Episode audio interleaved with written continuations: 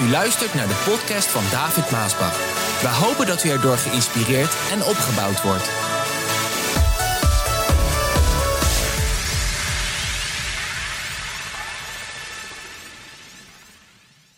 Dit is uh, wat Matthäus 7 zegt. Jezus zegt daar: Bid. Hallo, gewoon. Bam, bid. Bid en u zult ontvangen waarvoor u bidt. Vind ik zo'n mooie uitspraak. Dit, is, dit zegt Jezus. Hè? Hij zegt: Bid en je zal ontvangen waarvoor je bidt. Zoek en je zult vinden wat je zoekt. Er staat niet bid. Hij heeft niet gezegd bid en misschien dat als de Vader het in zijn wil is en hij hoort je, dan zal je waarschijnlijk of misschien. Nee, het is gewoon radicaal. Bid en je zal ontvangen. Hallo? Bid en je zal ontvangen. Zoek en je zal misschien vinden wat je zoekt. Nee, zoek en je zal vinden. Dit zijn radicale uitspraken van Jezus. Klop en de deur zal voor je worden opengedaan. Want ieder die bidt ontvangt, ieder wie zoekt die vindt, ieder wie klopt gaat de deur open. Vind je dit, alleen deze tekst vind ik al mooi om mee naar huis te nemen. Om te onderstrepen en om daarop te staan. Heer, u hebt gezegd, bid en ik zal ontvangen. U hebt gezegd, klopt en je zal opengedaan worden. U hebt gezegd, zoek en je zal vinden. Het zijn uw woorden, het is uw belofte. En u maakt altijd uw belofte waar.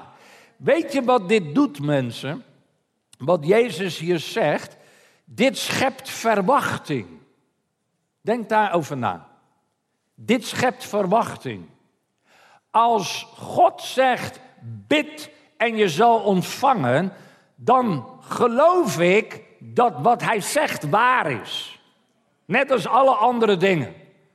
Als, als ik dat niet kan geloven, dan kan ik de Bijbel beter thuis laten liggen. Of nee, ik kan hem beter weggooien, want daar heb ik er niks aan. Ik geloof dat wat God zegt waar is. En als ik geloof wat waar is en dat Hij zegt bid en je zal ontvangen, dan schept dat bij mij verwachting. Dat als ik bid, dat ik dan ook zal ontvangen. En als ik zoek, dat ik dan ook zal vinden. En als ik klop, dan dat de deur dan ook open gaat voor mij.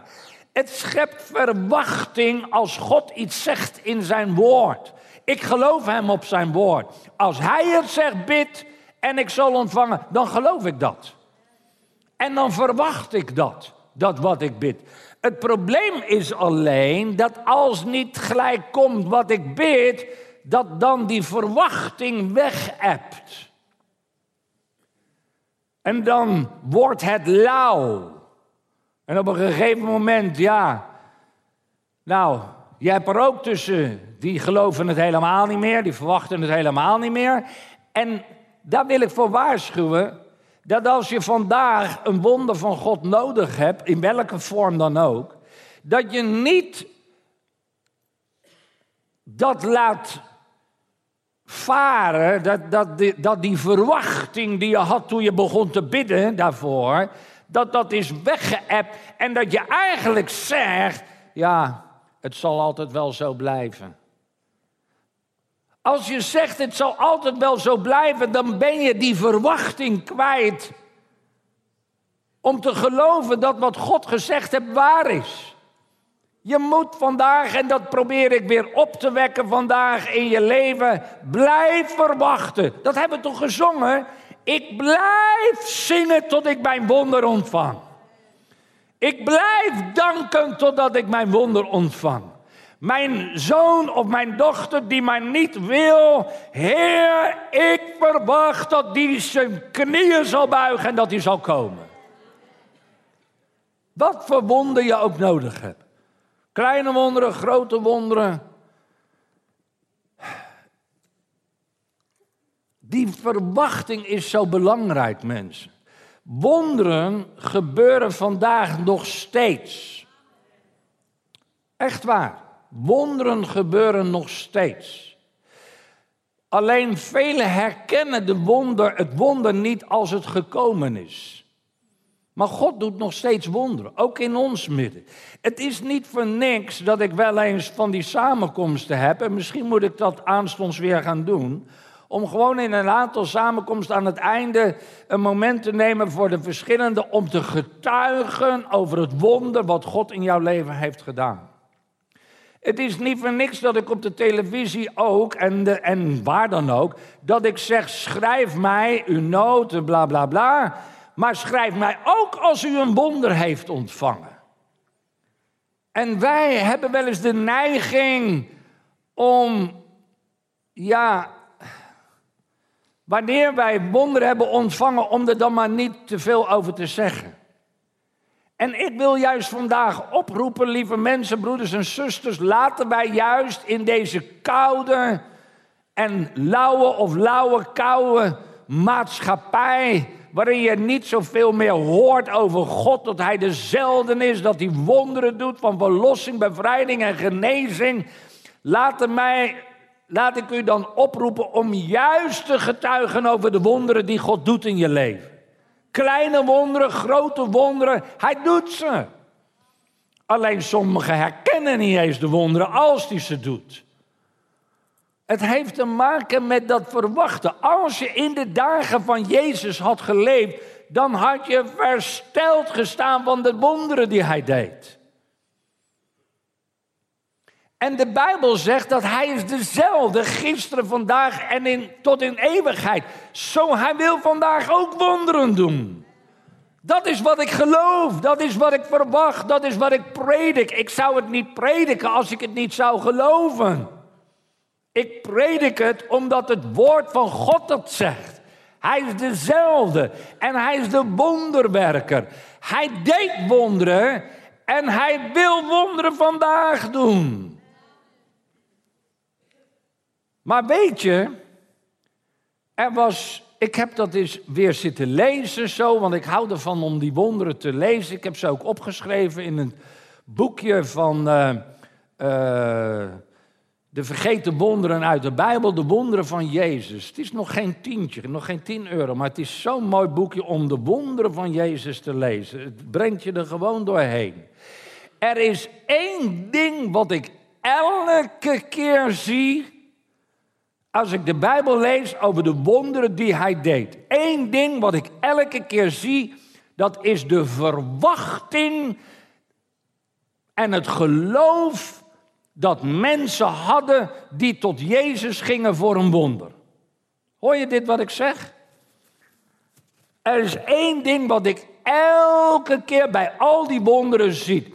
De verwachting, het geloof dat als ze naar Jezus gingen, ja, dan was er een verwachting dat er iets bijzonders zou gebeuren. Dat lees je elke keer. Ze hadden zo'n verwachting. En die atmosfeer van verwachting. En het geloof dat daarmee gepaard gaat. Dat creëert dat creëert een, een atmosfeer waarin God wonderen kan doen. Ik durf zelfs zo ver te gaan om te zeggen dat daar waar geen verwachting en geloof is, God geen wonderen kan doen. En dat kun je ook lezen in de Bijbel. Jezus die zou op zijn zendingsreis langs Nazareth en Capernaum gaan. Nazareth is de stad waar hij opgroeide. Capernaum, dat ligt daar vlakbij. Dat is de stad waar hij woonde en waar hij zijn hoofdkantoor had. Zo gezegd, zijn hoofdkantoor had. En er is zo'n hemelsbreed verschil tussen deze twee steden die vlak bij elkaar liggen.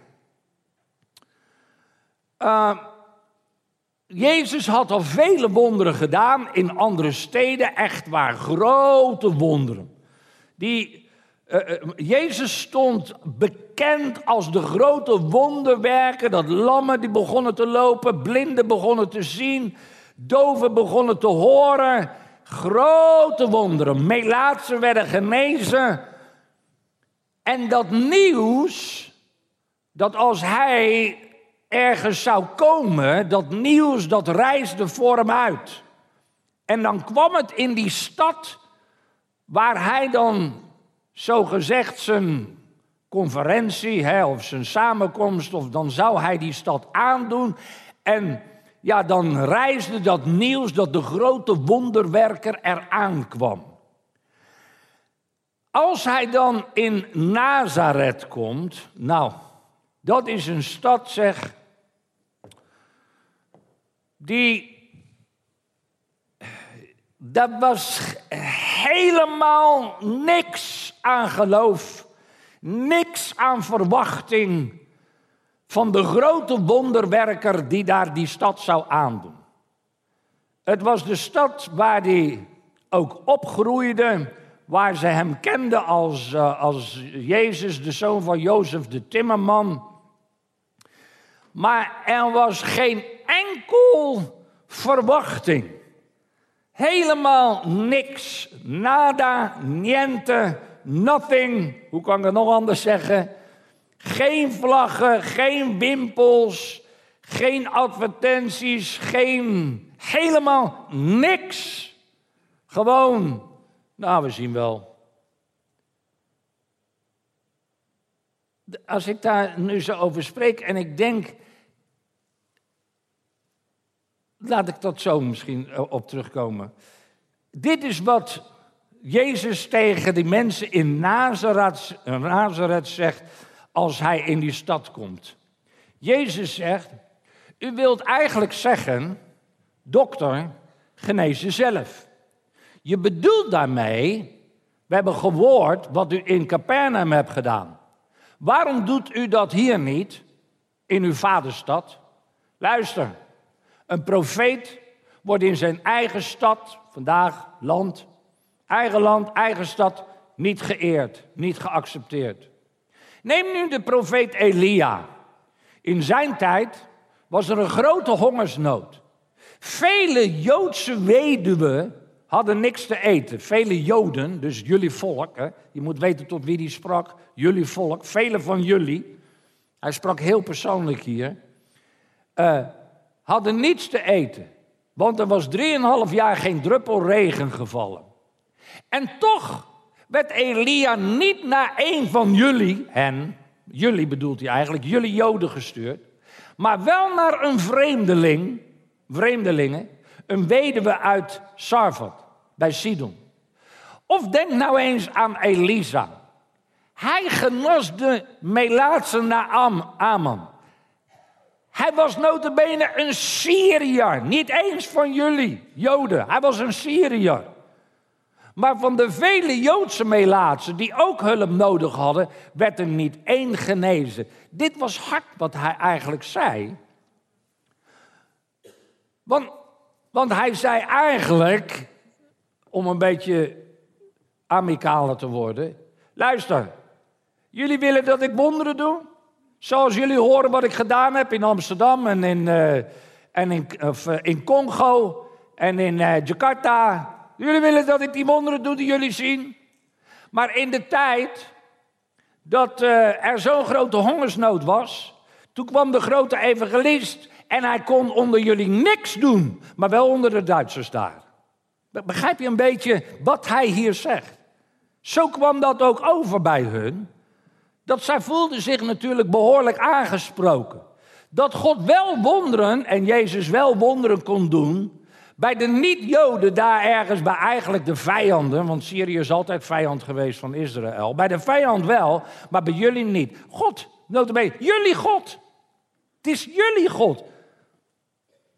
En zo probeerde Jezus dat bij hen te brengen. Zij zaten eigenlijk, ja, een hoop kerkmensen kunnen, kunnen zo zijn.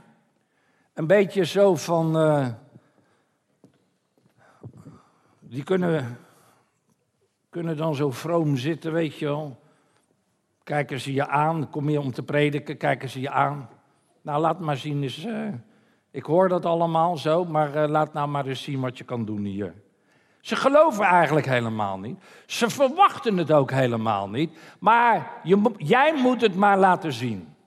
Zo kan je ook wel eens familie en, en vrienden en kennissen hebben. Weet je wel, die, als je dan daarmee in discussie gaat, dan kunnen ze erg arrogant zitten en dan, nou laat dan maar eens zien, weet je wel, laat het maar eens zien. Zo waren hun ook in Nazareth. Er was helemaal geen verwachting om een wonder te doen. En daarom kon Jezus daar ook geen wonder doen. Wat een verschil als je dan leest in uh, Lucas, ik meen 22, wat is het? Ja. Iedereen in de synagoge vond dat er iets heel bijzonders van hem uitging. Ja, dat vonden ze wel. Er ging iets. Ja, hij had een manier van preken, dat hadden de andere dominees niet. Er ging wel. Er was wel wat, wat waardoor ze onder de indruk waren. Uh, wat hij zei, dat was gewoon geweldig. Ze waren hoogst verbaasd. Ja, is dat niet uh, Jozef, de zoon van die timmerman toch? Hoe is het mogelijk wat hij daar... Dat is wel heel bijzonder hoe hij preekt. Dus er gaat wel wat van uit. Dat hadden ze wel. Maar ze hadden geen verwachting en geloof. Vandaar dat hij dan dat zegt wat we net hebben gelezen. Ja, jullie willen dat ik wonderen doe. Maar dat gaat eigenlijk helemaal niet. En dan zegt vers 28... Dit was de mensen te veel toen hij dat had gezegd. Van ja, jullie willen dat ik wonderen doe, maar dat gaat helemaal niet bij jullie. Dat zei hij eigenlijk. Gaat helemaal niet bij jullie. Jullie hebben geen verwachting, jullie hebben geen geloof. Niks, nada, niente. Woedend sprongen zij op. Kijk ineens die omslag. Dan zie je wat er in het hart zit. Dan zie je wat voor soort mensen dat waren. Woedend sprongen zij op, joegen Jezus het dorp uit.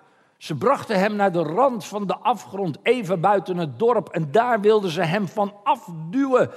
Ze wilden hem doden. De Joden. Maar hij keerde zich om, liep ongehinderd tussen hen door en ging zijn eigen weg. Het was zijn tijd nog niet dat hij zou sterven. Dat is het volk in Nazareth. Dan begrijp je toch wel met een hart als dat, dat hij geen wonderen kan doen.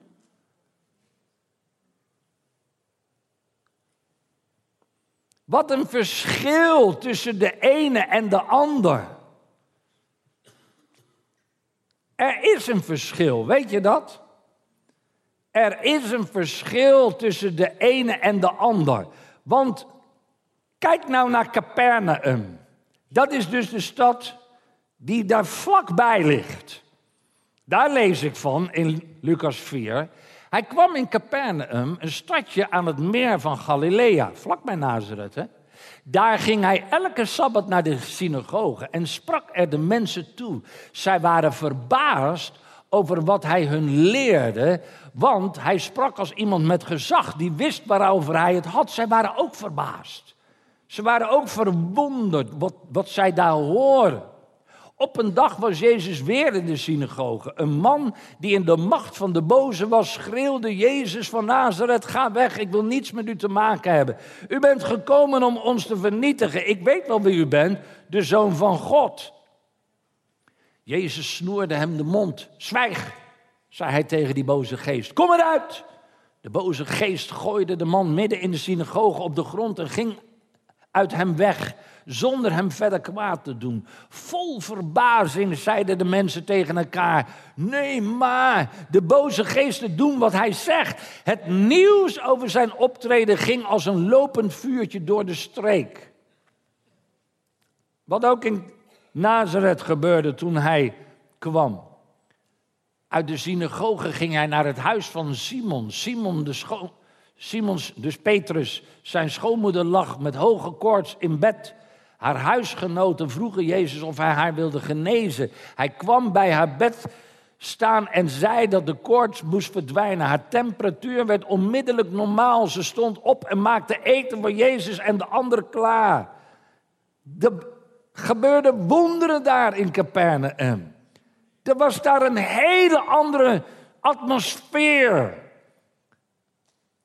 Wonderen kon hij doen. Die bezeten man die schoonmoeder van Petrus Bij het ondergaan van de zon werden vele zieke mensen bij hem gebracht. Hij legde zijn handen op hen en genas hen allemaal. Hij deed er niet toe, wat, het deed er niet toe wat voor ziekte het was. Ook joeg hij uit vele mensen boze geesten weg. Dit is vlak bij Nazareth, waar hij niks kon doen. Die schreeuwde dan, u bent de zoon van God, maar hij legde ze onmiddellijk het zwijgen op, want de boze geesten wisten dat hij de Christus was. De volgende morgen ging hij vroeg, ging Jezus vroeg naar een stille plek. Luister, de mensen zochten hem overal. Zie je wat een verschil? Toen zij hem eindelijk hadden gevonden, smeekten zij hem om niet weg te gaan. Zo wilden ze zo graag dat hij bij hem bleef. Zie het verschil? Luister, een mens heeft een persoonlijkheid. Een mens heeft een karakter, een mens heeft een geest. Daarom is een mens zoals hij is. Je, je, je, je ziet, je voelt aan iemand is hoe iemand is. Dat komt door, de, door zijn of haar persoonlijkheid, karakter en geest die iemand heeft. Maar weet je dat veel mensen vandaag niet weten dat ook continenten hebben dat. Ook landen hebben dat. Ook steden en dorpen hebben dat. Ook straten in een wijk hebben dat. Ook een huisgezin heeft dat. Heb je daar wel eens bij stilgestaan? Denk dat velen dat niet weten. Dat, dat zoals een mens een geest en een karakter heeft, een, uh, uh, een manier van doen en denken en praten, dat bepaalt hoe iemand is, zo heb je dat ook. Het Azië, Aziatische continent is anders dan het Europese continent. Daar zijn andere geesten. Wij in Europa, wij hebben te maken met al die eeuwenoude ancients, is het eigenlijk in het. Engels. Geesten en machten die teruggaan naar Babylonië en Griekenland en Romeinse en nu Europese. Dat zijn wel die hele oude regeerdersgeesten, overheden en machten. Maar landen hebben dat ook. Wij hebben in Nederland een hele liberale geest, karakter, persoonlijkheid. Alles mag in Nederland. Nou, het heeft ons gebracht waar we nu zijn. Eigenlijk helemaal niet zo goed. Wij zijn, als je ons vergelijkt met bijvoorbeeld België. België heeft een heel ander karakter. Veel conservatiever. Eh, eh, als je dan verder gaat en je gaat naar Frankrijk, is nog conservatiever. Dus daar, daar heeft in geen 400 jaar een opwekking is daar geweest. Onze laatste opwekking in Nederland dateert uit 1958. De enige en de laatste. Dat God ons land bezocht en het hele land omkeerde en ons bevrijdde daar. Uit allerlei machten van de boze. Religieuze machten, maar ook uh, onreine machten en noem maar op. We hebben nog niet eens dus zo lang geleden een opwekking meegemaakt, maar het is toch alweer heel wat jaren geleden. Uh, Engeland heeft ook een bepaald karakter, een bepaalde geest. Amerika heeft dat ook. De, die verschillen zijn zo groot waarin dus een land, uh, hoe een land is. En zo had je dat dus ook bij die steden, want je kan het helemaal klein maken, je kan het helemaal groot maken. Je ziet dat gewoon.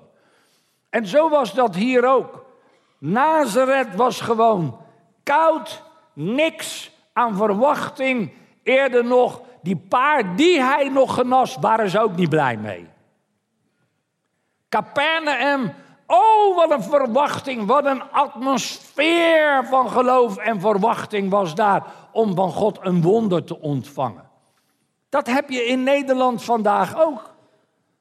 Er, zijn mensen die dichtbij wonen en die net als Nazareth zijn.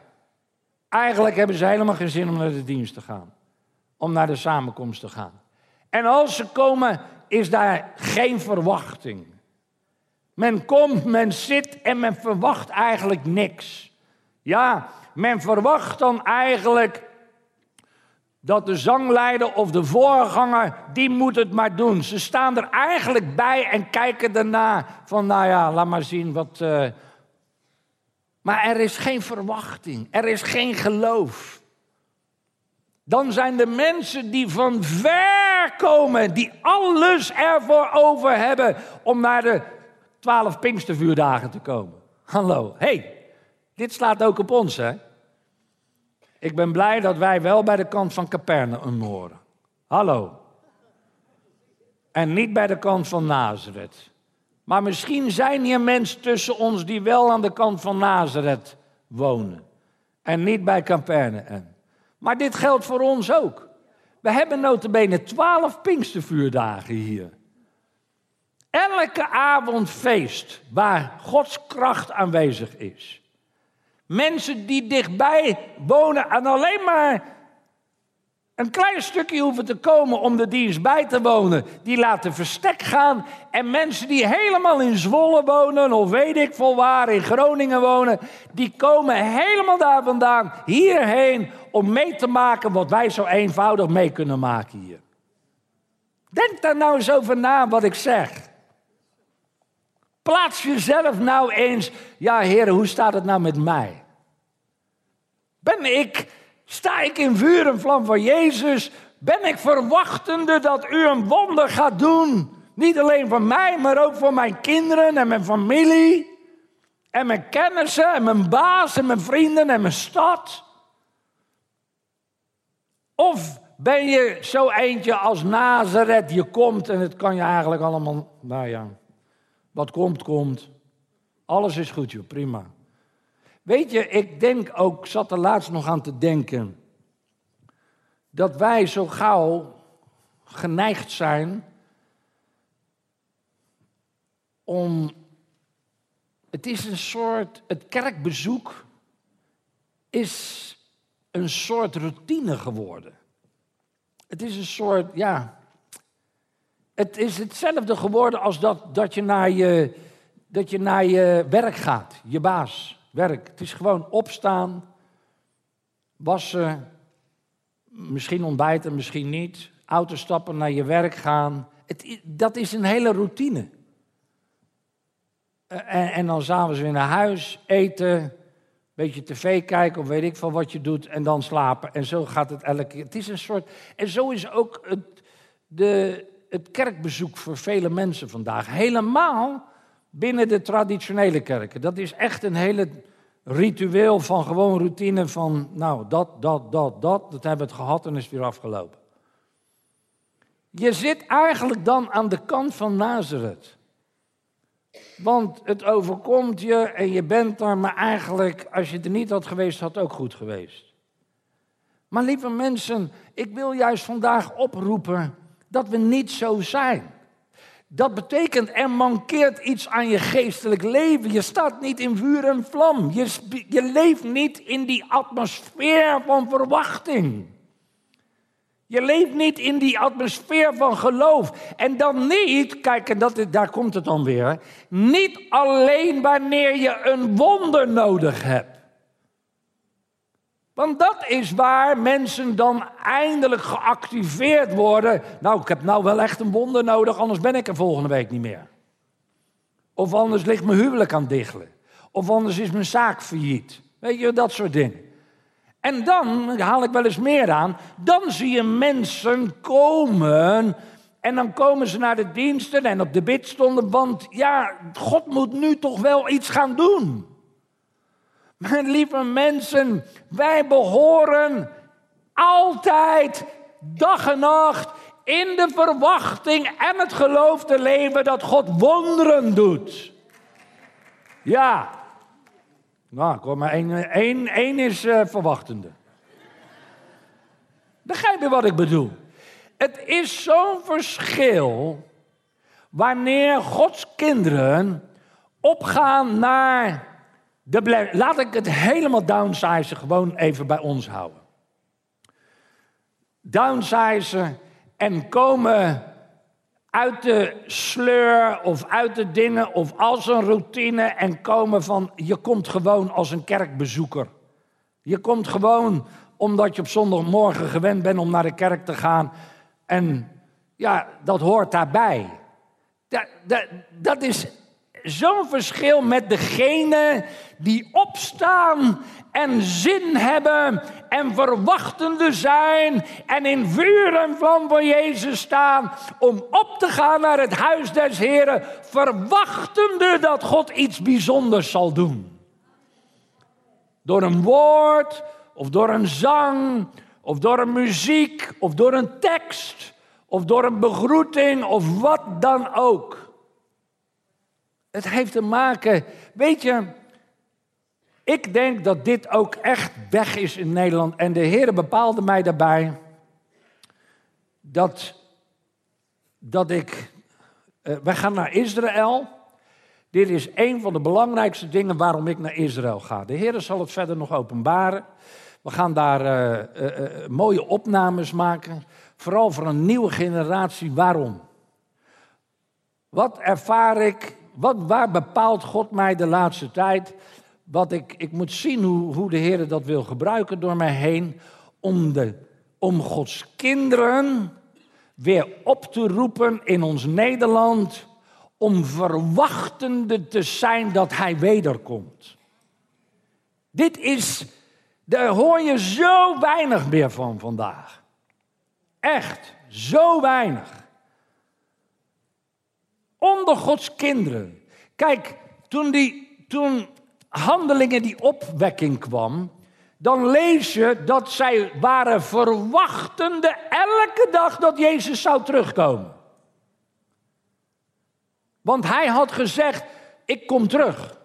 Zo, elke dag kwamen ze bij elkaar, maar zij hadden een soort verwachting. Nou, vandaag komt hij misschien, misschien komt hij vandaag. Dat zelfs, was het Paulus of Petrus, die zegt, nou, ik wil even temperen. Er zijn een paar dingen die nog moeten gebeuren voordat hij terug kan komen, zoals hij heeft gezegd. Dat, dat hij moest het een beetje temperen daar, een beetje zeg ik temperen. Een beetje temperen van, nou, er zijn dingen die nog e moeten gebeuren. Kerkafval en noem maar op.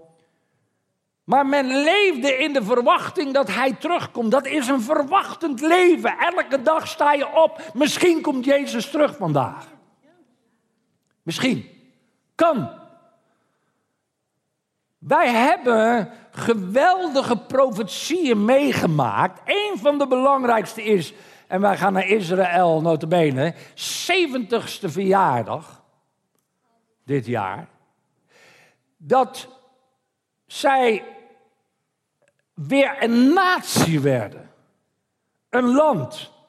Dat Gods volk terugging naar hun stukje land.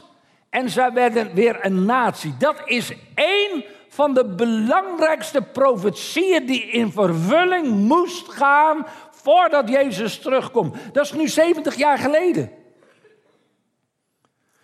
Met andere woorden, wij die nu leven als Gods kinderen, moeten meer als ooit tevoren verwachtende zijn dat Jezus elk moment kan komen.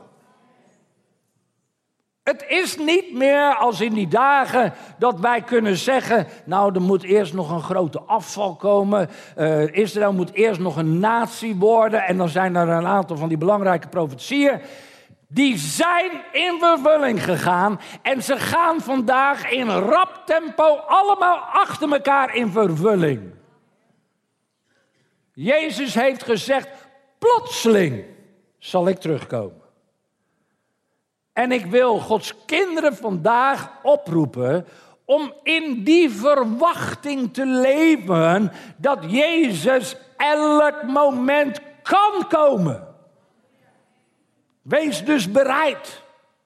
Wees dus gereed om alles achter te laten.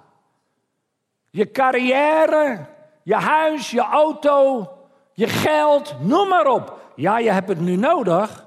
En je moet je oude dag heb je het ook misschien nodig als Jezus vertoeft. Maar als hij komt, moet je het allemaal achterlaten. Want je kan niks meenemen. Dat was een verwachting zoals zij leefde in de dagen van de handelingen.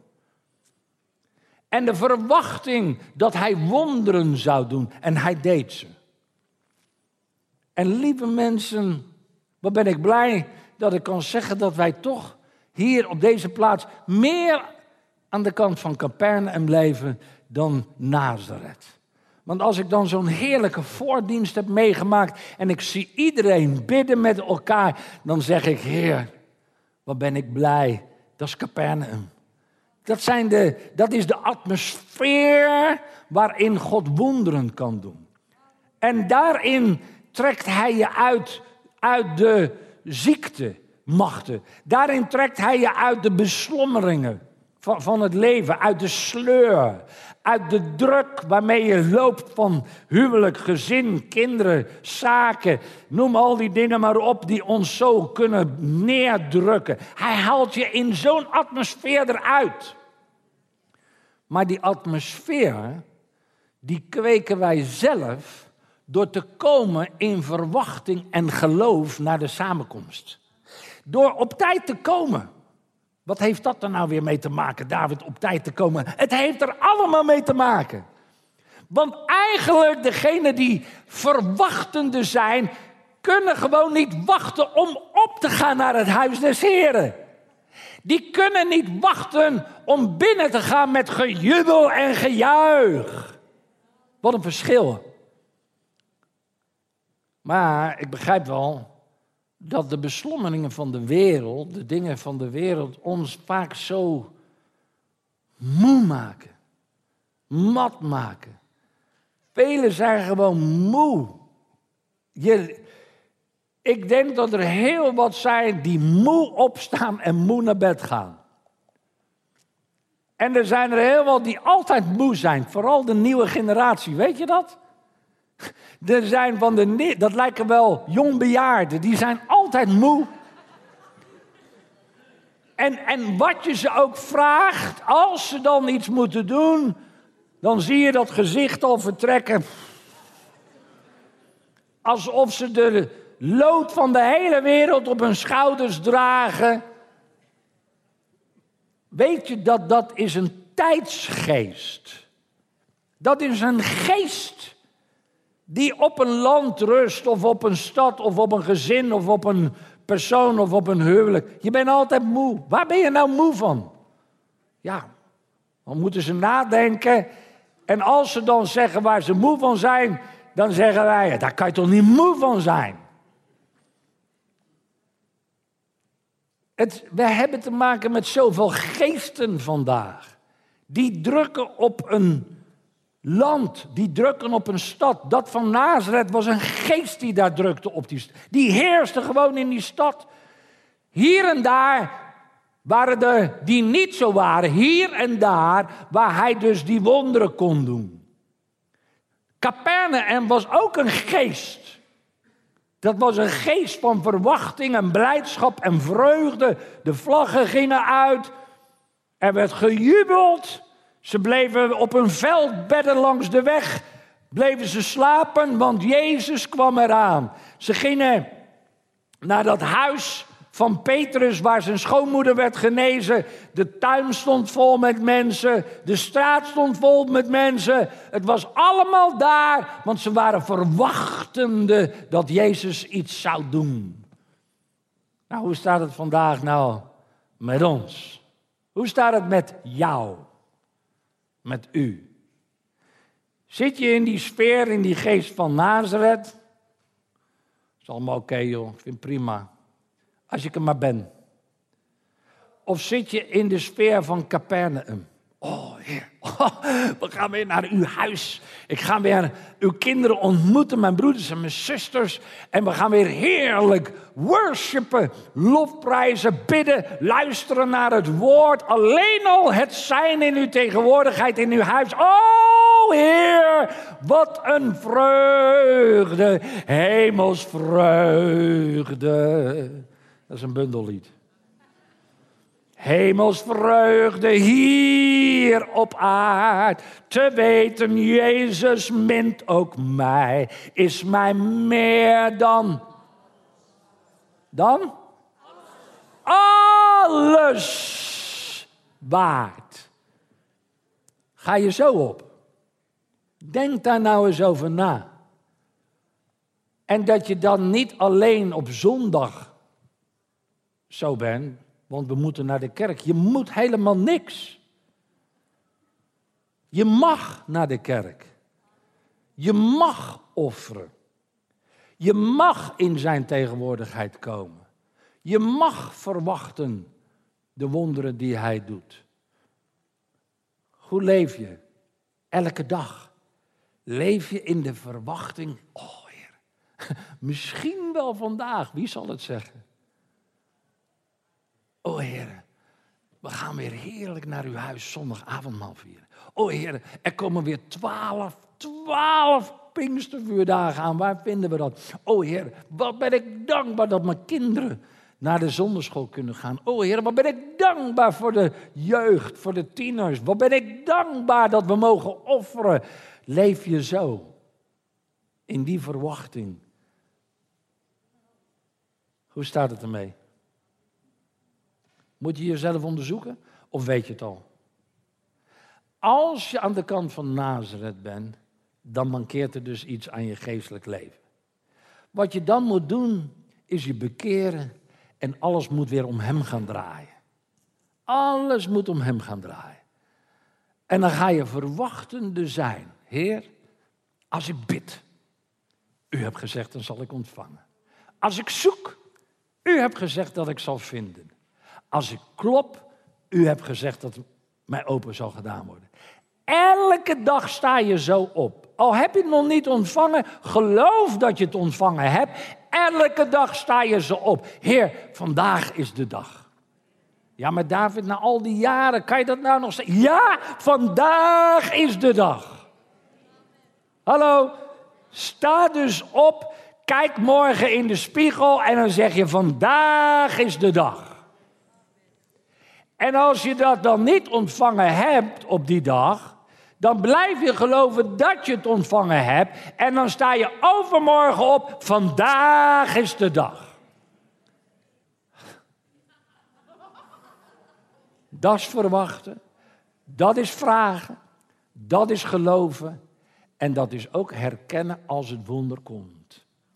Amen.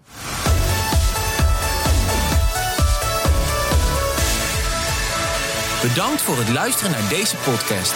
Wilt u meer preken beluisteren? Ga dan naar message.maasbachradio.com. Bezoek ook eens onze website www.maasbach.nl.